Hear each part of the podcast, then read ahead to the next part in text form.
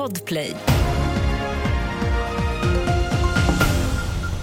Vi börjar med att Socialdemokraterna KU-anmäler energi och näringsminister Ebba Busch och miljö och klimatminister Romina Pourmokhtari. S vill att konstitutionsutskottet KU granskar om regeringen bröt mot lagen när Strålsäkerhetsmyndighetens generaldirektör byttes ut i våras. Och i morse presenterades årets nyord och listan har färgats av begrepp om ny teknik och AI.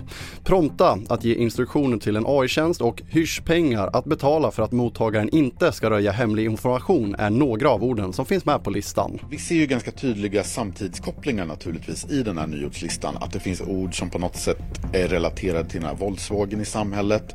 Eh, vi ser spår av den skenande inflationen.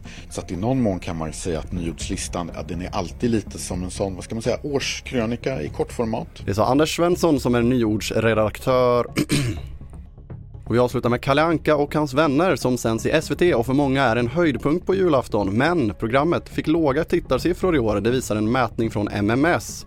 I år tittade ungefär 2,9 miljoner jämfört med förra årets 3,4 miljoner. Rekordet ligger på 4,5 miljoner från 2020. Fler nyheter hittar du på tv4.se. Jag heter André Meternan Persson.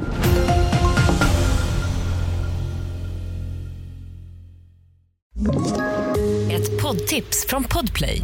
I fallen jag aldrig glömmer djupdyker Hasse Aro i arbetet bakom några av Sveriges mest uppseendeväckande brottsutredningar. Går vi in med hemlig telefonavlyssning och, och då upplever vi att vi får en total förändring av hans beteende. Vad är det som händer nu? Vem är det som läcker?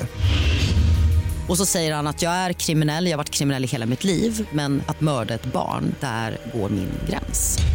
Nya säsongen av Fallen jag aldrig glömmer på Podplay.